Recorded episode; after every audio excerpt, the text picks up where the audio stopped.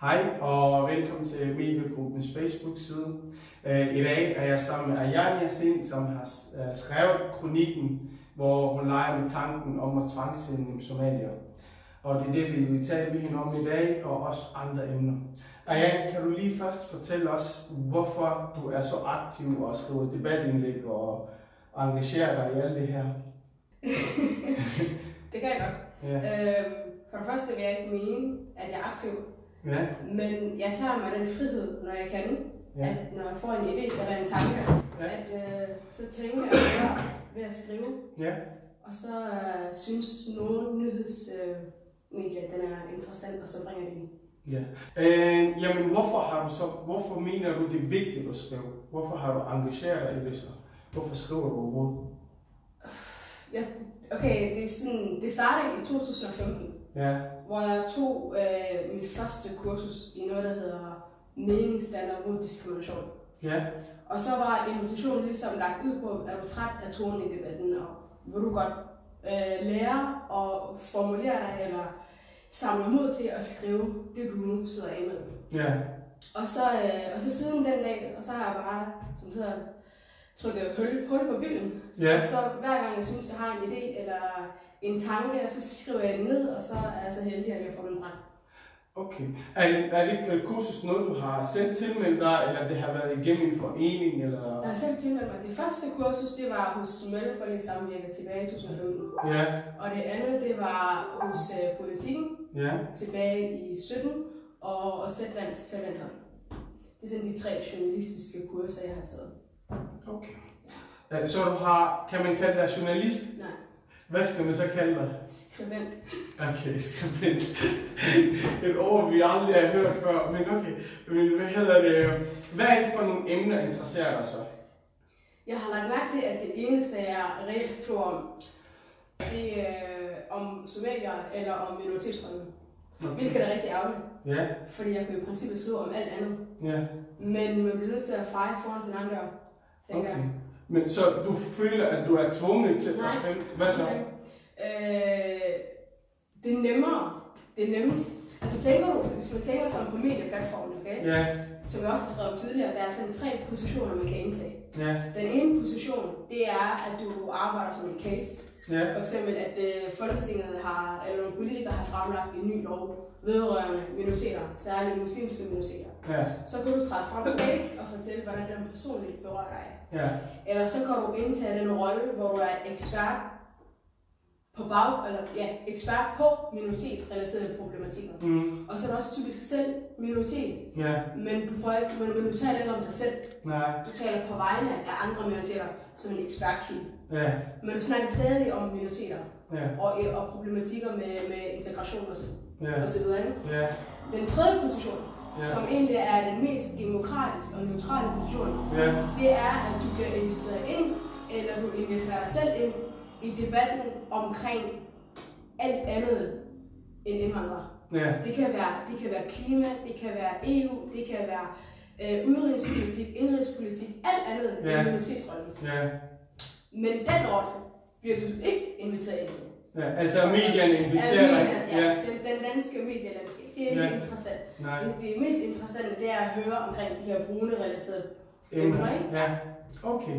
Og hvordan synes du så selv omkring det? Altså, at du kun bliver inviteret til at tale omkring emner, der vedrører minoriteter? Men det er, jo, ikke- det, er jo, det er jo kun, at jeg bliver inviteret. Ja, At jeg bliver inviteret af nogle andre.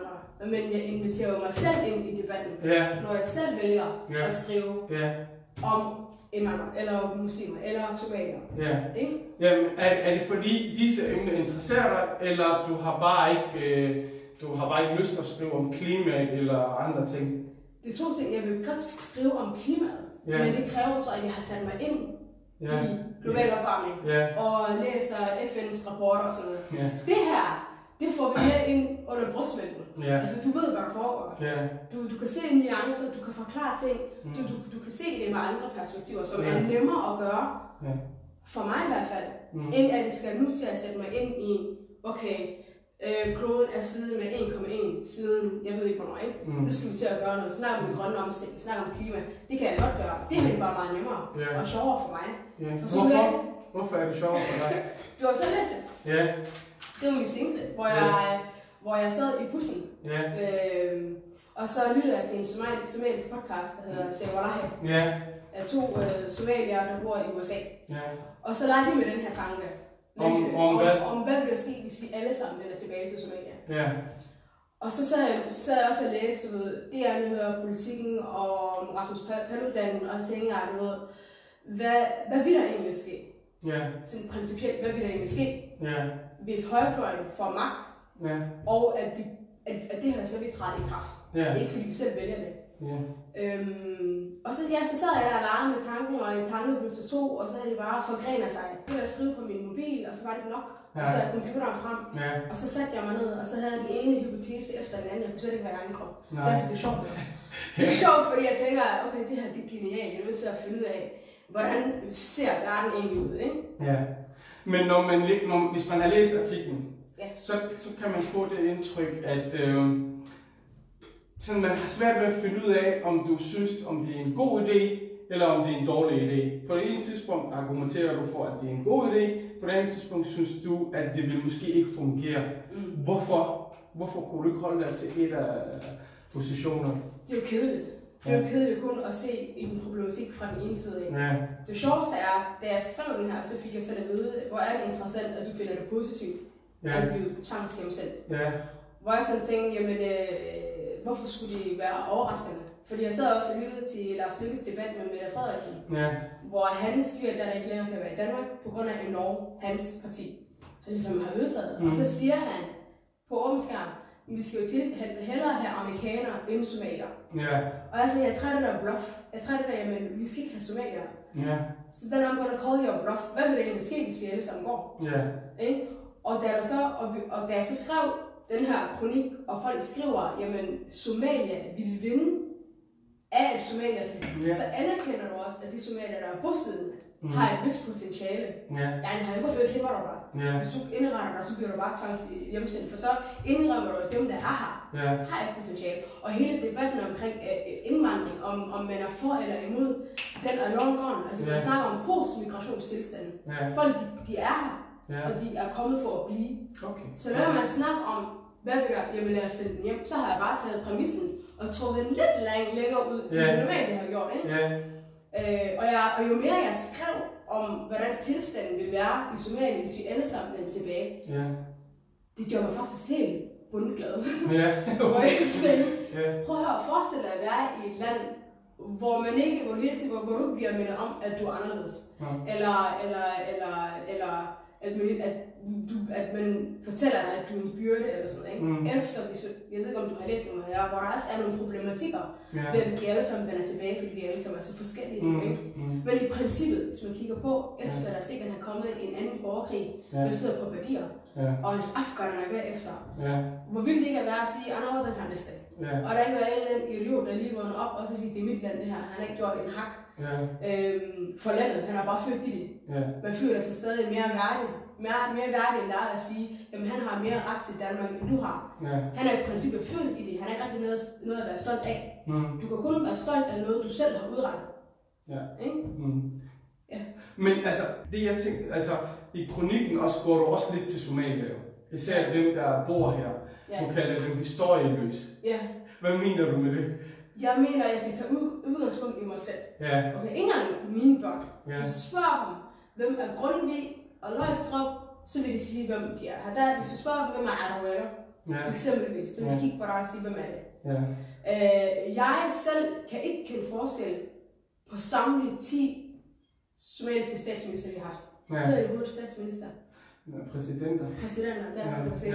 Man får helt eksakt. Ja, De, de ligner hinanden alle sammen. ja, Okay? ja, Øh, jeg ved øh, 0,2 procent af den somaliske historie, hvilket Ja. er min egen skyld. ja. 100 procent. Men kunne du ikke have sagt, at du var historieløs, og ikke alle somalier? Fordi jeg ved jo, der er rigtig mange somalier, der ved sådan noget. Især de yngre generation. Der er, meget, der er mange, der går op i historien og, og hvordan landet før, før krigen og sådan noget. Når du siger historieløse somalier, det lyder som om, at vi er alle sammen nogen, der ikke ved noget om somalier. Kunne du ikke have sagt, du var historieløs? Jo, i princippet. Ja, Det kan jeg godt have sagt. ja, Jeg er nødt til at ud på min egen vegne. God pointe. ja, ja, Men når, hvis vi siger i princippet, Ja, at de 30.000 somalier, der er i Danmark, ja. så siger du til mig, at vi alle sammen er skolet i den somaliske kanon. Jeg, jeg vil nok ikke sige alt sammen. Okay, majoriteten af os er skolet i den somaliske kanon. Måske ikke sprogmæssigt, men vi har kulturen. Det kan godt være, at du mener, at du er ikke, øh, at du ikke, som, ikke så meget om somalisk historie, men den måde, du er klædt på, den måde, du tænker på, det er jo somalisk. Jo. Jamen, det er jo jamen, kultur Ja. og sprog. Det er, jeg, jeg, jeg skrev historieløse, så jeg skrev, jeg skrev ikke øh, sprogløse Ja. eller, kul, eller kulturelløse. Jeg skrev Ja. historie.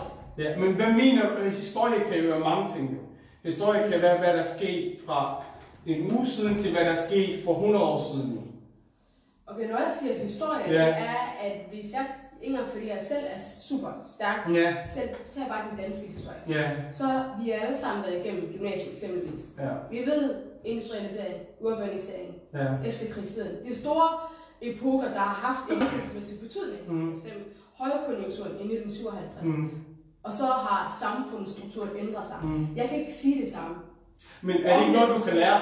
Er det ikke noget, du kan lære? 100 procent. Ja. Mens vi sidder og spiser koldskål. Og Ja, og, og så er nogle ting, ja, det, jeg var så lidt overrasket over, du kommer ind på, at hvis nu vi flytter tilbage Ja. til Somalia, Ja. så vil vi have de vestlige øh, Mm. værdier, og Mm.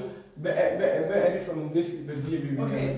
Okay, Ja. jeg har skrevet, Ja. bare for, for at sætte kort på bordet. Ja, Øh, Somalia er tre kategorier. ja, Det er somalier bosiddende i, vest, i, ud- i, bosiddende i udlandet. ja, Somalier i nærområdet. ja, Og somalier, der bor i landet. ja, Og der aldrig forlod landet. ja, Øh, det er ligesom overordnet tre kategorier af somalier, der findes. Ja. Så har du somalier bosiddende i udlandet. mm, Hvor jeg tænker, øh, hvis du tænker på, at vi er formet, øh, modelleret af den institution, du har været i, så er der en særlig signifikant forskel mellem en somalier, der er født og opvokset i USA, og en somalier, der er fø- født og opvokset i Malaysia. Eksempelvis. mm, Okay? Hvor kulturen er indlejret. ja, Hvor for eksempel vi i Danmark, vi øh, janteloven uden at sige det, ja. har en eller anden betydning for måden, vi bærer os frem på. Øh, Tror du det? Ja, ja, sådan kulturelt, eller det vil jeg mene i hvert fald, at der er mange ting, vi ikke kan sætte ord på, men er særligt danske, i- vores tilfælde, Ja. i mit tilfælde. Ingen en somalier bor i Malaysia, eller Men janteloven er nødvendigvis ikke dansk. jo. Så meget leder, du siger jo altid, man da sige, hvem er du, og sådan noget. Jo. Mm. Det er jo det med, at man ikke skal tro, man er noget. Det er jo ikke en dansk fænomen, jo. Det er jo noget, der også stammer fra Somalia. Det stammer også, også som en muslim, jo. Mm. Man skal være meget ydmygende og alle de her ting. Ja. Så det, jeg tror, jeg tror, det man forbinder vestlige øh, værdier med, er generelle værdier, som alle mennesker har. jo. Og jeg, jeg tror også, at som muslimer, vores værdier kommer jo fra vores religion og vores Mm. kultur jo. Mm.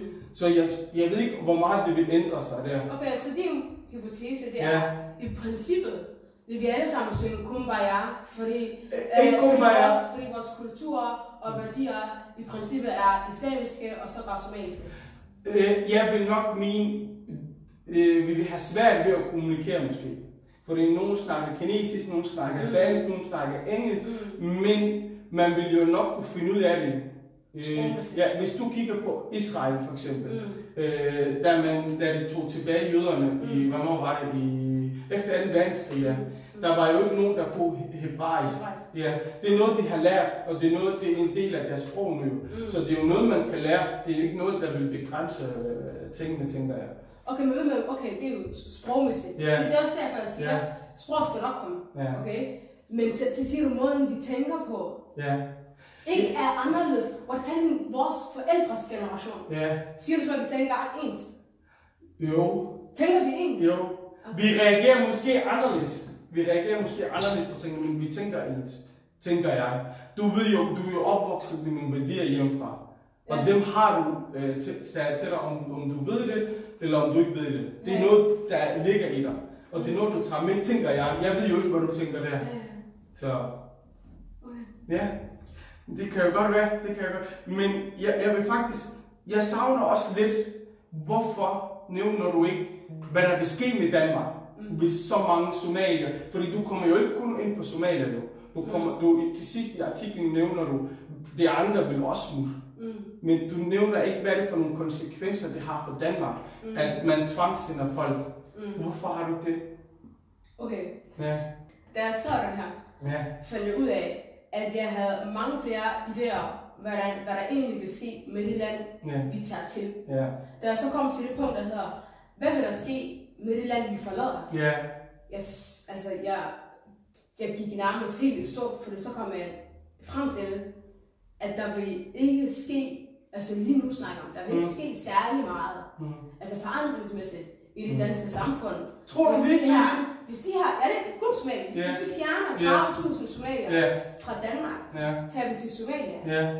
samfundet vil ikke gå i stå. Tror du det? Det tror jeg ikke. Jeg tror, at de vil køre. Og hvis der vil være en industri, Ja. som jeg sagde, Ja. så vil det være de NGO'er og integrationsmarkeder, okay? Ja, ja. Hvor der er nogle sagsmænd, der bliver fyret, fordi der er ikke længere klienter. For eksempel. Så- Ja, op i syg og Hager.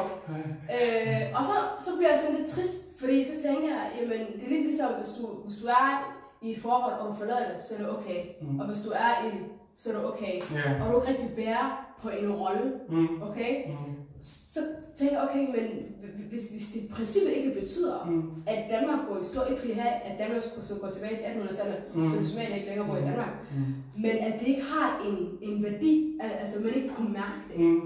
Det er lidt ligesom, altså uden al sammenligning Mm. selvfølgelig, at der er dyrearter, der forsvinder hver dag, Ja, og vi kender ikke til dem. ja, Men der er nogle dyrearter, f.eks. bier, ja, som bliver færre og færre hvert år. ja. Dem kan vi godt mærke, Ja. fordi de bærer på en, en særlig funktion. Mm. Og så kommer vi frem til den rigtig kedelige anerkendelse, der Ja. hedder, som vi som er med de, de dyrearter, der forsvinder, Mm. og nobody gives a fuck. Må, jeg vil gerne udfordre det så. Okay. Øhm, for eksempel i marts måned Ja. øhm, var Danmark, har Danmarks Statistik lavet et tal omkring, øh, hvor mange arbejdspladser danskerne mangler. Ja. Der stod noget med, at i de sidste halvår Ja. har der været brug for 35.000 Ja. øh, medarbejdere. Især i byggeindustrien og serviceindustrien. Mm. Det vil sige, de mangler, mens vi er her, mangler man 35.000. Yderligere. Hvis, ja, hvis du går ind og kigger på, hvor mange somalier, der arbejder ind i sundhedssektoren, Mm. både som sygeplejerske, som øh, social- og sundhedsassistent, social- og sundhedshjælper, der er rigtig mange, der arbejder der. Mm. Og det er et område, der også mangler medarbejdere. Hvis du fjerner dem, Mm. så har det også nogle konsekvenser. Mm. Hvis du også kigger på, øh, i forhold til, hvor mange danske kvinder føder Mm. gennemsnitligt, Mm. der står noget med, at øh, hvis samfundet skal fungere, Mm. så skal hver kvinde føde øh, 2,1. Ja. I Danmark ligger man på 1,7. Ja, der Ja. for få børn. Ja, det, Ja. det føder for få børn. Ja. Hvis du går ind og kigger på, hvor mange somalier så, der er under 35, der er på vej op øh, til at kunne gøre en kæmpe forskel for det her land. Vi snakker om 70 procent af de somalier, der er her, de er under 35. Det vil sige, at der er en hel generation, der er på vej. Fjerner du dem, så har Danmark jo ikke øh, den generation jo. Plus, man siger, at i 2030, Mm. der vil være en 35 procent af befolkningen er seniorer. Det vil sige nogen, der er over 35 år. Så konsekvenserne vil være kæmpe store, hvis alle somalierne sagde, okay, vi går fra Danmark. Jeg sagde, hvis vi gør det nu, okay? Ja. Men Så nu har vi jo sygeplejersker og... Jeg har også skrevet 70 procent af en svensk befolkning er Ja. under 30 år. Ja, Okay? Så hvis det skulle ske, så vil man også miste fremtidigt potentiale. Så er slet ikke underkendt. ja. Er Men det hvad med dem, der er i arbejde nu? Hvad med de sygeplejersker, social- og sundhedshjælpere, øh, alle dem, der er i arbejde? Der er rigtig mange somalier. udgør de, den, altså udgør de majoriteten af den svenske befolkning i Danmark. Det kommer an på, for en aldersgruppe du kigger på. Hvis du kigger på dem, der er i den øh, arbejdsdygtige alder, så er der rigtig mange somalier, der er i arbejde. Man fokus, man, når man laver det her tal, så går man ind og laver nogle intervaller, som gør, at procentdelen stiger mere end nødvendigt. Men der er jo rigtig mange somalier, der er på din alder, på min alder, der er i arbejde eller er i uddannelse. Mm. Så hvis man fjerner de mennesker der, så vil den, de mangler allerede 35.000 øh, medarbejdere. Jeg er 100% sikker Ja. på, at man vil mærke manglende arbejdskraft. Ja. Det er også derfor, jeg skrev, at argumentet vil stå stærkere, hvis vi fjerner alle andre Ja. også. Ja. Okay? Alle andre, der ikke er pærdanske. så vil man sige, okay, det er ikke kun mere, det er ikke farver, vi mangler, det er ikke kun hummus og shawarma, vi mangler. Mm. Vi decideret mangler folk til at opretholde vores infrastruktur, Mm. eksempelvis. Mm. Fordi det, altså, markedet vil gå i stå. Mm. Ja, men jeg, jeg, jeg kan godt forstå, hvad du mener, Mm. men jeg tror bare ikke, at hvis man fjerner... Altså, for det første er det ikke 30.000 somalier, det er 21.000 somalier. Okay, så. Det er lidt mere for at være lidt mere ren. Men hvis du fjerner 21.000 mennesker, Ja. hvor, hvad, øh, hvor mange er enten i uddannelse eller i arbejde, Mm. de, når de går ind og kigger på somalier, der er, er arbejdsløse, de, de siger ikke arbejdsløse, de siger øh, på offentlig, offentlig forsørgelse. Offentlig, forsørgelse indeholder jo mange kategorier. Så man kan jo gå ind og sige, okay, fjerner man alle de somaliske piger og kvinder, der arbejder kun inden for sundhedssektoren, Mm. som allerede er ramt og mangler arbejdspladser, Mm. øh, ar- medarbejdere, hvad vil der så ske med det? Så vil øh, velfærden også blive mindre. Ja. Og, og også, du kigger jo måske også kun på nu, men dem, der er på vej frem, hvad med dem, hvad med dem om, om ty- øh, 2030, Mm. hvor en tredjedel, over en tredjedel af befolkningen er seniorer. Ja. Hvad så?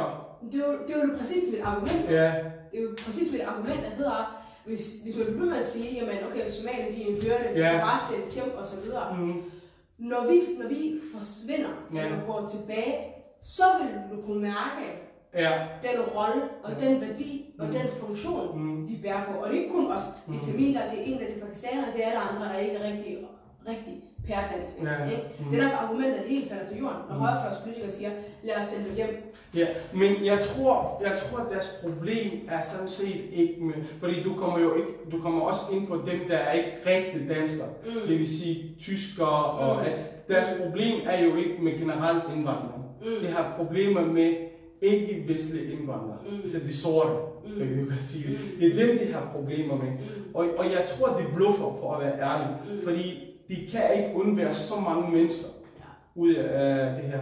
Det andet argument, jeg vil spørge dig om, det er, når man snakker om Somalia Mm. og generelt flytning. Mm. Man snakker meget om det økonomiske perspektiv. Mm. Hvorfor tror du, det, man gør det? Jeg tror, altså hvis vi lægger sådan det, det humanistiske og så- og det følelsesmæssige til side, Ja, så er der tre forskellige bund, bundlinjer, man Ja. politisk prøver at opretholde. Den økonomiske, den sociale og den kulturelle. mm, Og politikere, nogle politikere har en interesse i den økonomiske bundlinje. ja, Så alt, hvad der er unødvendig udgift, mm, forestiller jeg mig, mm, begynder man at du ved, skubbe ud i proportioner for at sige, prøv at se her, vi har en udgift her, mm. som vi ikke får tilbage. Ja. Fordi hvis du tænker over det, så er øh, fra vugge til grav, har man i Danmark i, eksempelvis øh, en, en livslang investering. Altså Mm. den dag, du bliver født, mm, får du et CPR-nummer. ja, Okay? Og så siger man til din far og mor, jamen du kan give barnet et navn 6 måneder senere, det er så lidt, det er lidt det er ikke vigtigt lige nu. Ja. Men inden for 6 måneder, hvis du ikke finder et navn, så skal vi nok finde et navn. ja, Men det vigtigste er, at du har fået et CPR-nummer, og du er en del af et system. mm, Fra du er født til du er 18, mm, får du børnepenge med Mm. 3 måneder. ja, Fra du er 18 til du er 25, 26, Mm. 27 færdig med din uddannelse, Mm. får du SU. mm, Okay? Så fra du er født til, det ved jeg ikke, slut 20'er, mm, har staten investere, investeret Ja. penge i dig. ja, Hvorfor? Fordi du fra 25 til du er 65, to, altså dobbelt så lang tid som Ja. de har forsørget dig, skal skal du give tilbage. Ja, Okay? ja, Til du dør faktisk.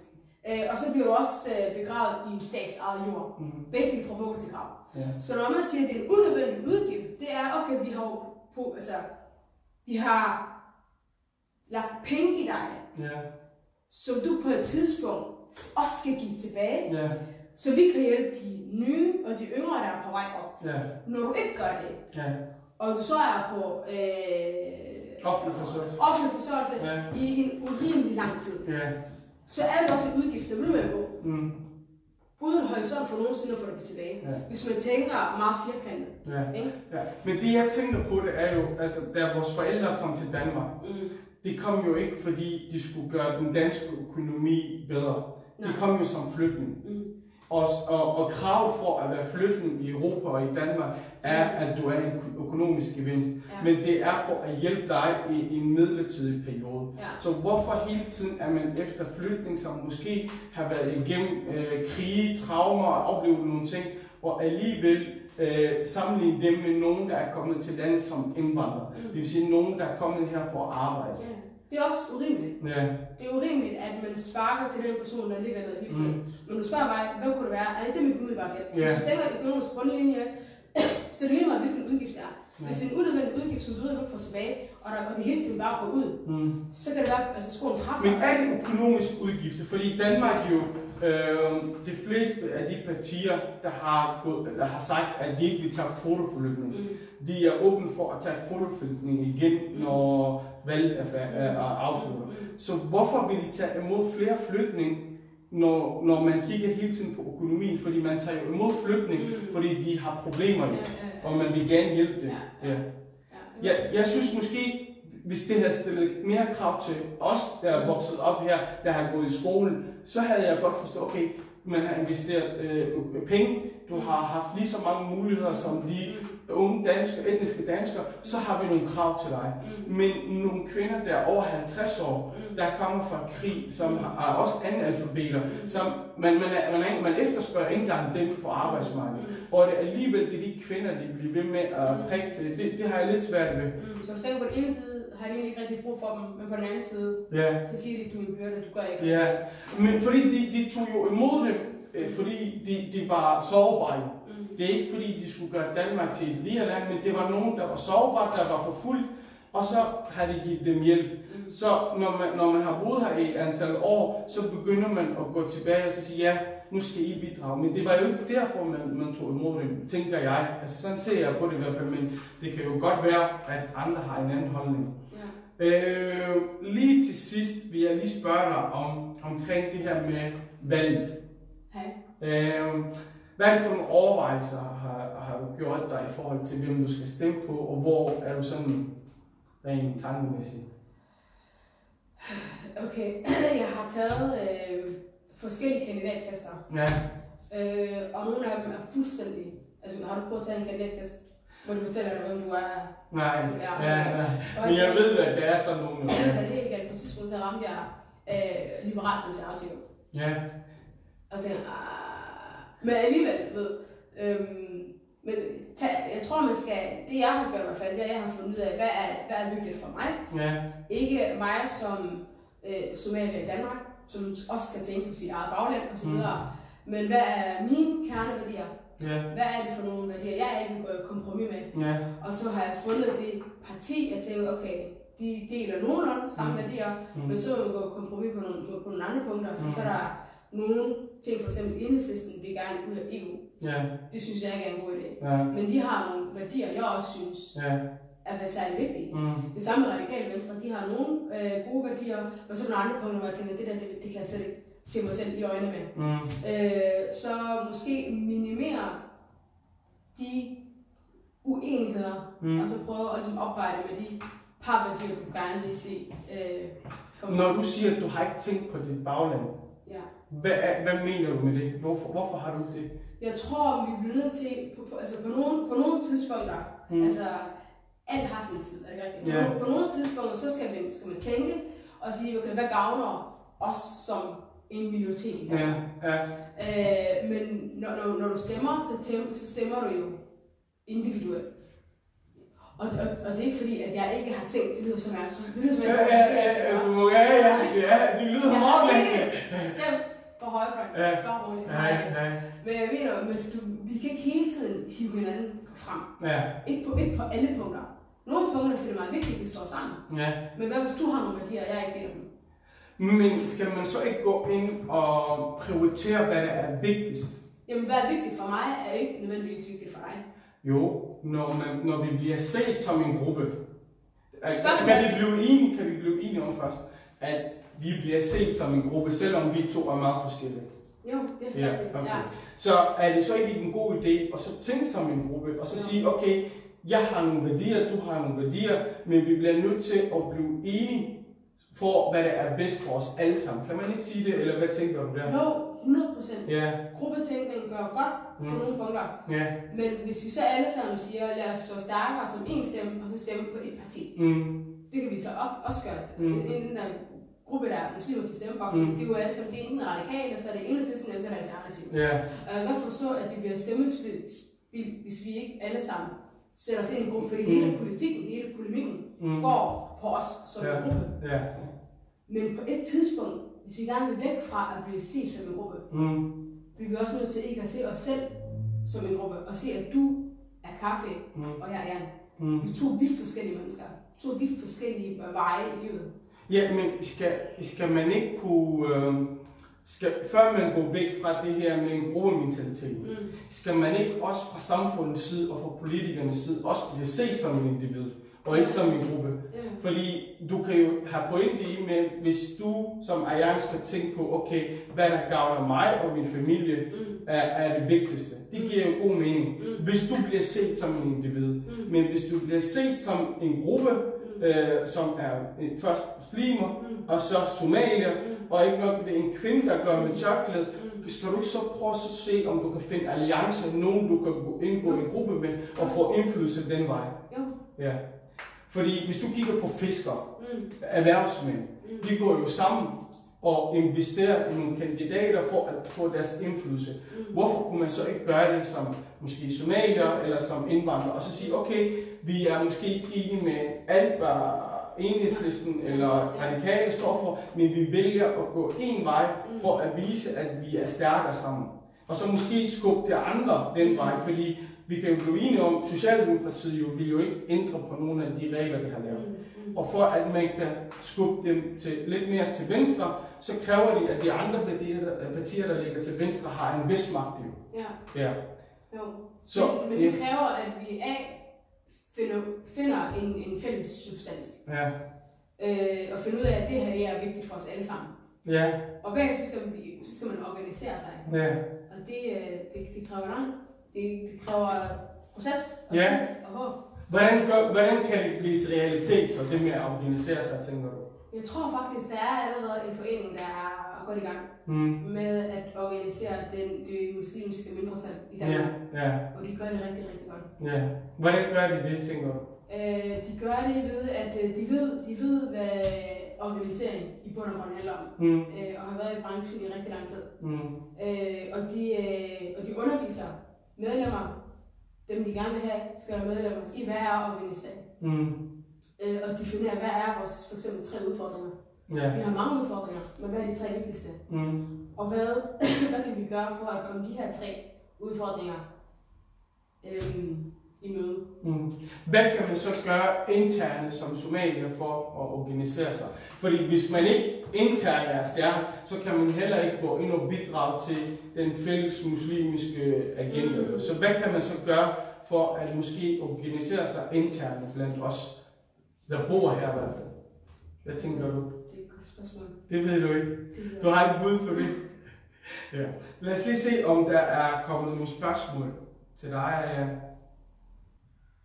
Ja. Jeg tror, at har du nogle afsluttende bemærkninger? Der er ikke sådan en rigtig spørgsmål, kan jeg se. Hvad vil du, øh, hvad vil du råde folk til, som måske vil gerne skrive øh, debatindlæg? Eller hvordan, vil, hvordan, hvordan kan man være aktiv på det front? Vi har jo ikke mange, der skriver læsebreve eller artikler og sådan noget. Hvad kan man gøre? Det har du fortalt mig før. Ja. Du har fortalt mig jo. Ja. Du har jo ikke fortalt folk jo. Hvordan skal vi være politisk aktive? Hvordan skal vi uh, gå ind og skrive uh, artikler? Der er jo ikke mange, der ved det jo. Okay, lad mig tænke. Øhm,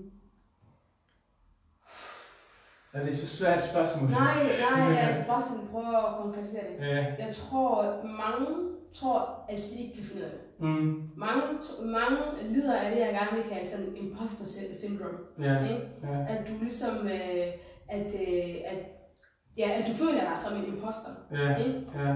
Øh, og det ligger for langt væk, og hvor skal jeg starte, og hvad nu hvis folk de skriver, du ved, ha- hadefulde kommentarer, Ja. og alt sådan noget. Ja. Øhm, og, det, og til dem vil jeg sige, som jeg også har sagt til mange mennesker, det, det er banaliteter, du Mm. tænker over. Mm. Hvad er det, vil ske bagefter? Ja. Har du gjort det først? Ja. Ikke? Ja. Har du sat dig ned, for jeg tror, at vi har rigtig, rigtig meget ressourcer iblandt os. 100 procent. Øh, Ja. og mange fede idéer, Ja. som aldrig kommer ud, fordi Mm. folk tvivler på, Ja. at de kan finde ud af det. Hvad hvis jeg fortæller dig, øh, at jeg plejer at få 0 skriftligt, Ja, og det er løgn. ja, Min gymnasielærer plejer at sige, du, du, hvor, hvorfor kan du bare skrive, som du taler? ja, Fanden er der med dig? ja, Og så til hende, jeg kan ikke noget skrive. Og når mine fingre de rammer tastaturen, så sker der noget helt andet. ja, Og jeg kan ikke få mit budskab frem, Ja. som jeg gerne vil. ja, Og de kræver, altså det er ikke for sjovt, at sige øvelse går mester. ja, Sæt det ned, skriv, skriv igen, skriv igen. Det er stadig ikke god. Nu er jeg lavet stadig dumfejl. Ja. Jeg laver stadig nutids ærfejl. mm, En dag skulle jeg gerne sove til middag. Så kom jeg i tanke om, at jeg skrev noget forkert derovre. Så derovre med R i stedet for ER. ja, De provokerer mig, for Ja. så har jeg ja, Så stod jeg op, og så rettede jeg det igen. Jeg har stadig issues, okay? ja, Men når du skriver noget, det første du skriver, det er en klade. ja, Så sender du ind til redaktionen. ja, Så fortæller dig enten, om det er en god idé, Mm. mm. eller om det er en god idé. Mm. Mm. Om den er aktuel, eller om den ikke er aktuel. Ja. Om du skriver dig ind i en tidsånd, eller om du ikke gør. mm, Og hvis de, hvis de grønne får den tilbage med nogle kommentarer, og så skriver du den ren igen. mm, Og den pingpong-proces tager jo lang tid. ja, Til sidst så får du et okay udmærket produkt. mm, Men folk tror, at jeg sætter mig ned, og så har jeg skrevet det her for min første og det er det jo aldrig. ja. Jeg kender for eksempel rigtig, rigtig mange dygtige somalier, både drenge og piger, som virkelig har noget mellem ørerne og kan gøre en kæmpe forskel. Men de er bange for den reaktion, man får, Mm. hvis man siger noget forkert offentligt eller sådan noget. Mm. Hvordan har reaktionerne været på de artikler, du har lavet? Og... Du, altså jeg har, jeg har ikke fået negative reaktioner. Nej. Altså det passer ikke. En, det var negativt for mig. Ja, Uh, en gang jeg skrev noget tilbage i 2015, var der en, der sendte mig et brev, ja, om det var 1800-tallet. ja, brev, der hedder, øh, han hed Palle, Ja, tror jeg, ja. et eller andet sted i Jylland. ja, Skrev til mig, en gæst skal ikke diktere, hvor bordet skal stå. ja, Og så Ja. ja. kend din plads, du er en indvandrer, så fortæl mig, hvordan vi skal opføre os i Danmark. ja, jeg tror, det var okay, nice, du har læst det, fedt Ja. nok, ikke ja, Men folk, det, det handler også om temperamentsag, hvor meget du kan tage. ja. Jeg skriver heldigvis aldrig noget Ja. kontroversielt.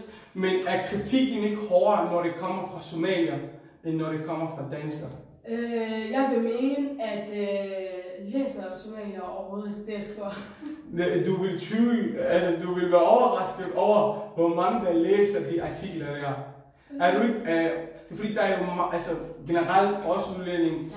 vi jo forventer jo meget fra de såkaldte racister og alt det der. Ja. Men når det kommer fra vores egen række, Ja. det er der, hvor folk smider håndklædet i ring og sådan noget. Har du oplevet det? At, at kritikken interne er hårdere end den, der kommer udefra.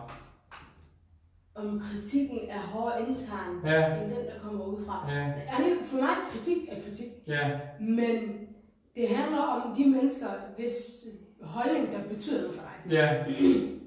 Om man er dansker, eller om man er somalier, eller hvad han er. Mm, Hvis det er hans eller hendes holdning ikke betyder noget for mig, så er det lige meget, hvad Ja. hendes etnicitet er. ja, Men hvis, hvis det er en, en ven, hvis holdning jeg vægter rigtig højt, eller Ja. min mor, eller min søster, eller min veninde, ja, øh, øh, og de giver mig kritik, så vil, jeg, så, så vil det ramme mig på en anden måde, end hvis det var hvis det var andre. præcis.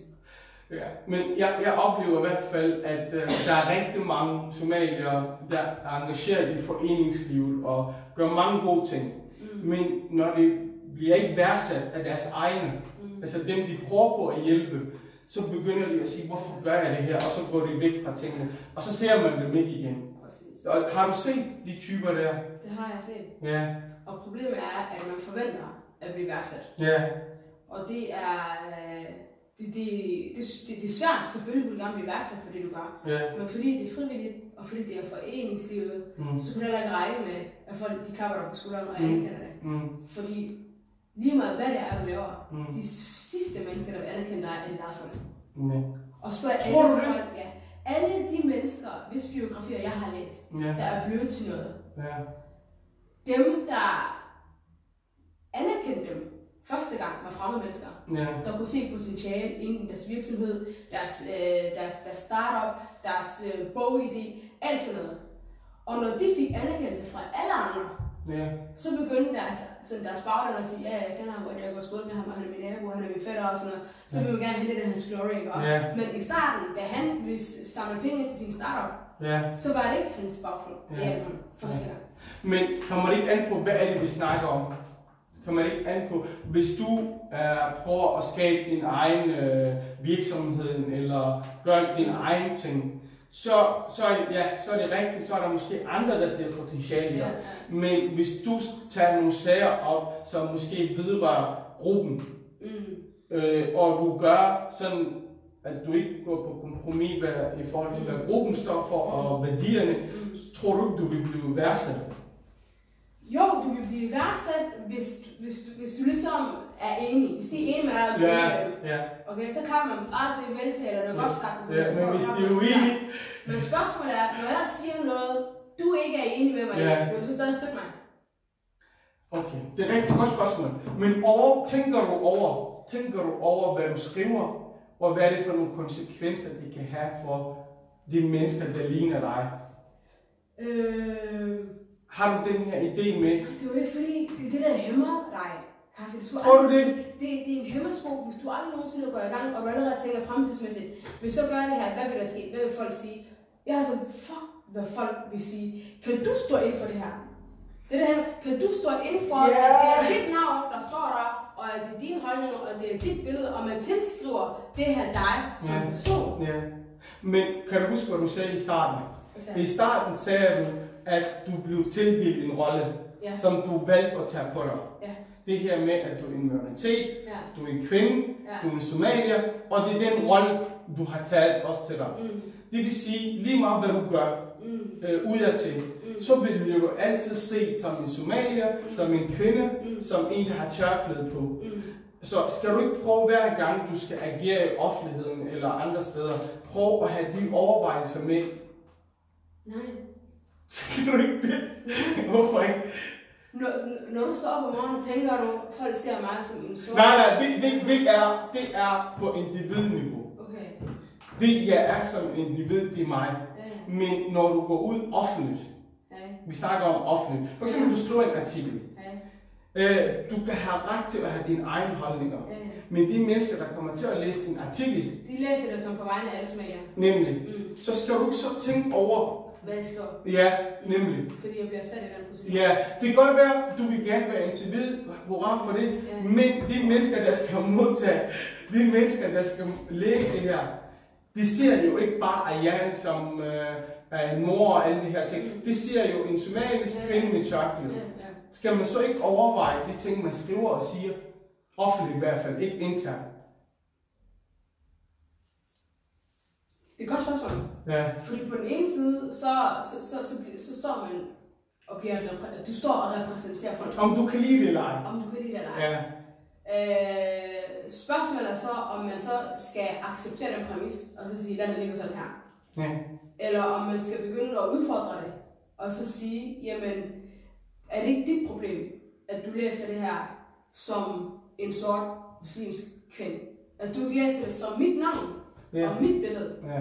Ikke? Hvis der stod forkvinde for den somaliske fagforening, eller hvad, hvad end vi nu har, ikke? Mm. så kan jeg godt forstå, at du siger, okay, du har et vist ansvar, du har et bagland, som du taler på vegne af. Mm. Men der på ingen måde har jeg skrevet mig ind i, at jeg er formand eller forkvinde for nogen Ja. eller noget som helst. Men den, den privilegium har vi jo ikke. Jamen skal vi ikke tage det privilegie? Hvordan, hvordan skal vi gøre det? Jeg har det sådan... Ej, jeg læste noget genialt forleden dag. Jeg læste sådan, når, når du vil skrive, skriv som en hvid mand. Ærligt, tænk som om, at du er en hvid mand. Hvorfor? Fordi så har du alverdens privilegier. Der er ikke nogen kategori, du bliver sat ind i. Af, du tænker som en mand, så er det bare så jeg skriver bare som en mand, ikke? Ja. Tænk som en hvid mand. Fordi så, så, så bliver du frigjort fra alle de her hemmeskår. Hvor der er alverdens frihed. Just right. Det, det tror, jeg tror ikke, jeg bliver mere frigjort af, at jeg tænker som en hvid mand. Nej, tænk, du har et privilegie som en hvid mand. Du har et privilegie, du kan sætte dig ned og så skrive, hvad du.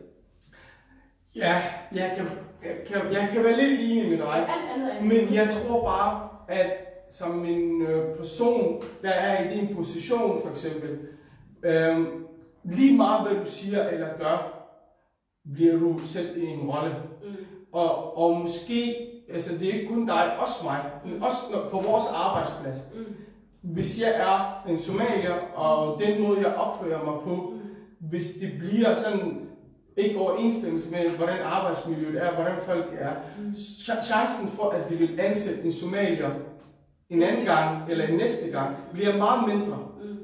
Så lige meget hvordan vi vender og drejer det samfundsmæssigt, bliver vi ikke set som individer, så skal vi ikke måske begynde at tænke på som en gruppe. Lige meget hvor vi er fordi det er, jo, det er jo den privilegium har vi. Hvis vi boede i Somalia, så kunne man jo sige det. Men lige nu, hvor vi bor et sted, hvor vi er anderledes, det, vi kan ikke komme udenom det. Om jeg er født eller opvokset her, det har ikke en betydning for, når, man bliver, når jeg bliver set første gang. Og du siger, at det handler, om, at handler det ikke bare om, at det er en mentalitetsændring? Du kan jo, du, hvis du skal ændre hele Danmarks mentalitet, Din mentalitet. min, min. mentalitet er helt anderledes. Jeg er ligeglad, hvad folk siger. Okay. Fuldstændig ligeglad. Men, men offentligt, når jeg skal gå ud og skrive noget, eller når jeg er på min arbejdsplads, så kan jeg ikke lade være med at tænke på, at jeg er repræsentant Mm. for gruppen. Lige meget, hvordan man vinder eller drejer det, så er jeg repræsentant. Men personligt så er jeg ligeglad med, hvad folk tænker om mig eller gør, men jeg ved, at man, det har konsekvenser for, hvis jeg offentligt dummer mig. Jeg ved ikke, om du har tænker det samme. Måske jeg helt Ja. ja. subtilt, men øh, det er ikke de første tanker, der strejfer mig, når jeg gerne vil skrive noget. Ja.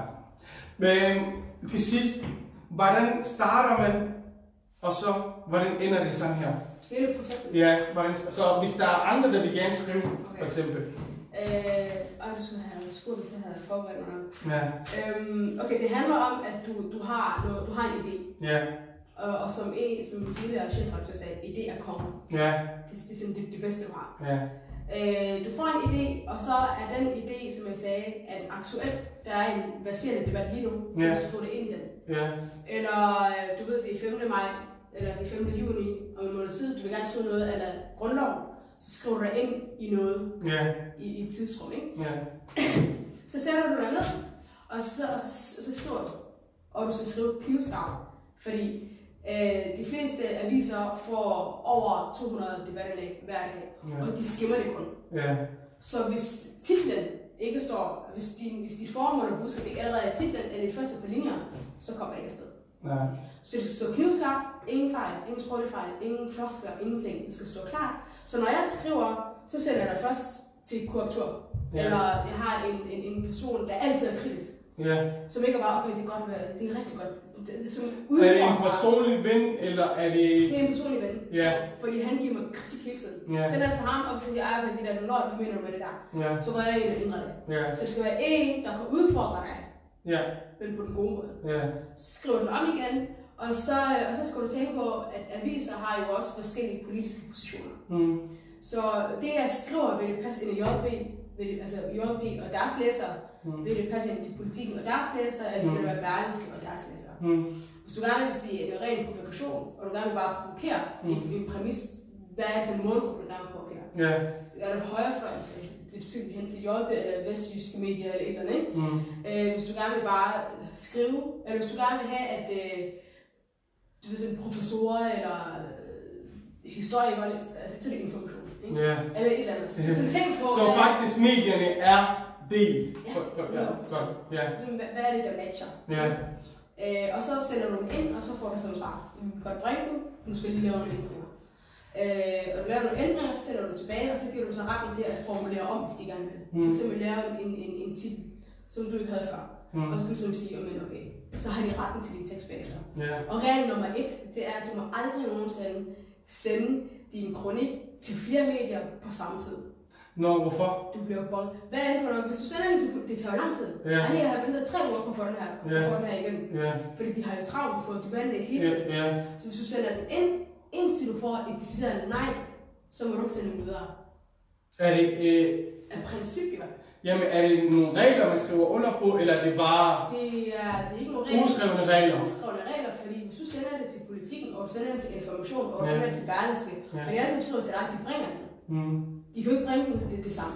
nej. Det er. Ja, Og så vil de heller, jeg tror ikke, de vil bringe noget bagefter, fordi Ja. din troværdighed, den falder. ja. Så hvis du sender til øh, for eksempel politikken, så vent på et nej, så kan du sende videre. Præcis. Ja.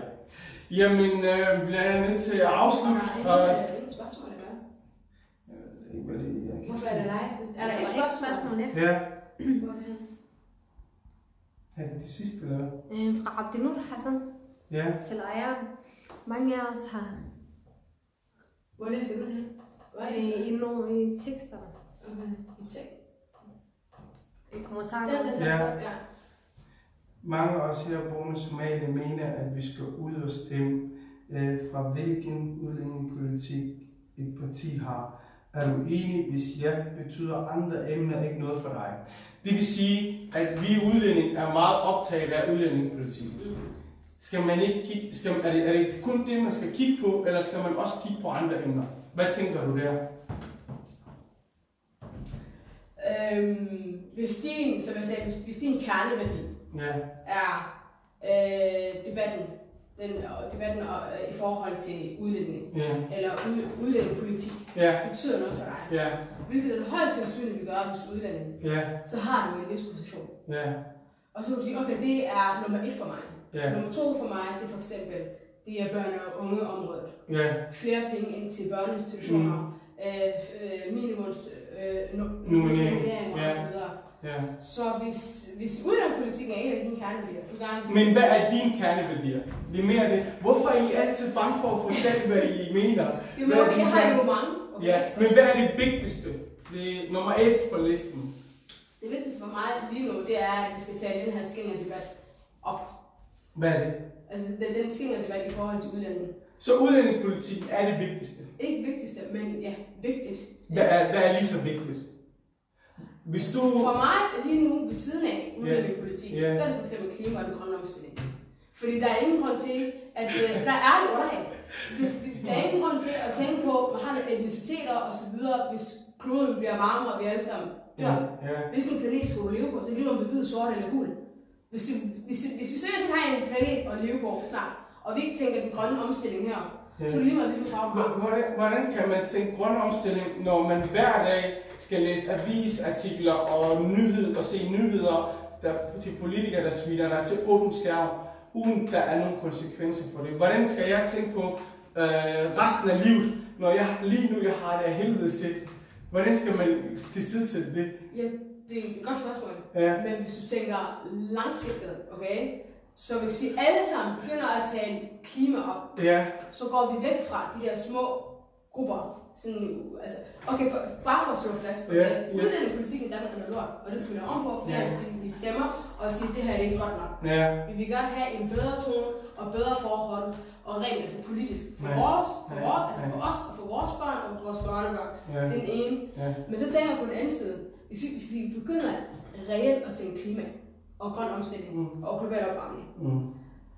tror du så ikke, at vi, vi bliver den, den menneskelige race bagefter, der lever på en planet, der er udfordret, end at tænke på etniciteter og religiøsitet og kulturelle forskelle? hvis, jeg har, eller hvis vi har svært ved at overleve generelt, fordi nogen vil jo smide folk hjem jo. Nogen vil gerne tage nogle rettigheder fra dem. Nogen vil gerne bestemme, hvor du skal bo. Nogen vil gerne give dig dobbeltstraf, fordi du bor i et bestemt område. Hvordan kan man nogensinde gå, begynde at tænke på andre ting, end det lige nu, der optager dig? Jamen det er jo ikke, ikke det er enten eller. Ja. Lad os, lad, lad, lad, spørge, lad, os, lad os spørge på den måde. Rasmus Paludan, Ja. udlændingepolitikken, vi ved, hvor vi har ham. Ja. så vil han lave en af de bedste klimapolitik i Danmark. Ja. Hvad så? Hvor vil, hvor vil du stemme hen? Så vil jeg ikke stemme.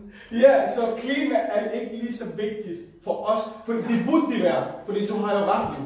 Du har jo ret med planeten og hvordan tingene skal være i fremtiden, burde optage os alle sammen. Ja. Men når, jeg har, når vi har svært ved at leve der, hvor vi lever, og vi ikke engang kan trække For eksempel, hvis du laver et eller andet lort her, du kan blive dobbeltstraffet i forhold til andre. Altså, der er forskelsbehandling. Men den er, det, det var også bare et forslag, den er heller ikke vedtaget. Det er en del af ghettoplanen. okay, hey. Ja, så, så hvis man, man bliver forskelsbehandler for folk, hvis folk ikke kan få lov til at opdrage deres børn, som de vil, altså, og jeg mener ikke at slå, men andre metoder, ikke? Så at man hele tiden fortæller dig, at du ikke er god nok. For eksempel i forgårs, der var en artikel i BT, Mm. der snakkede om, hvor kriminel Somalia er, Mm. og det øh, bringer en anden artikel, som ikke har noget med historien at gøre. Det, hvis man hele tiden har de her udfordringer, hvordan skal vi så tænke på klimaet overhovedet, og tænke på, hvordan planeten fungerer?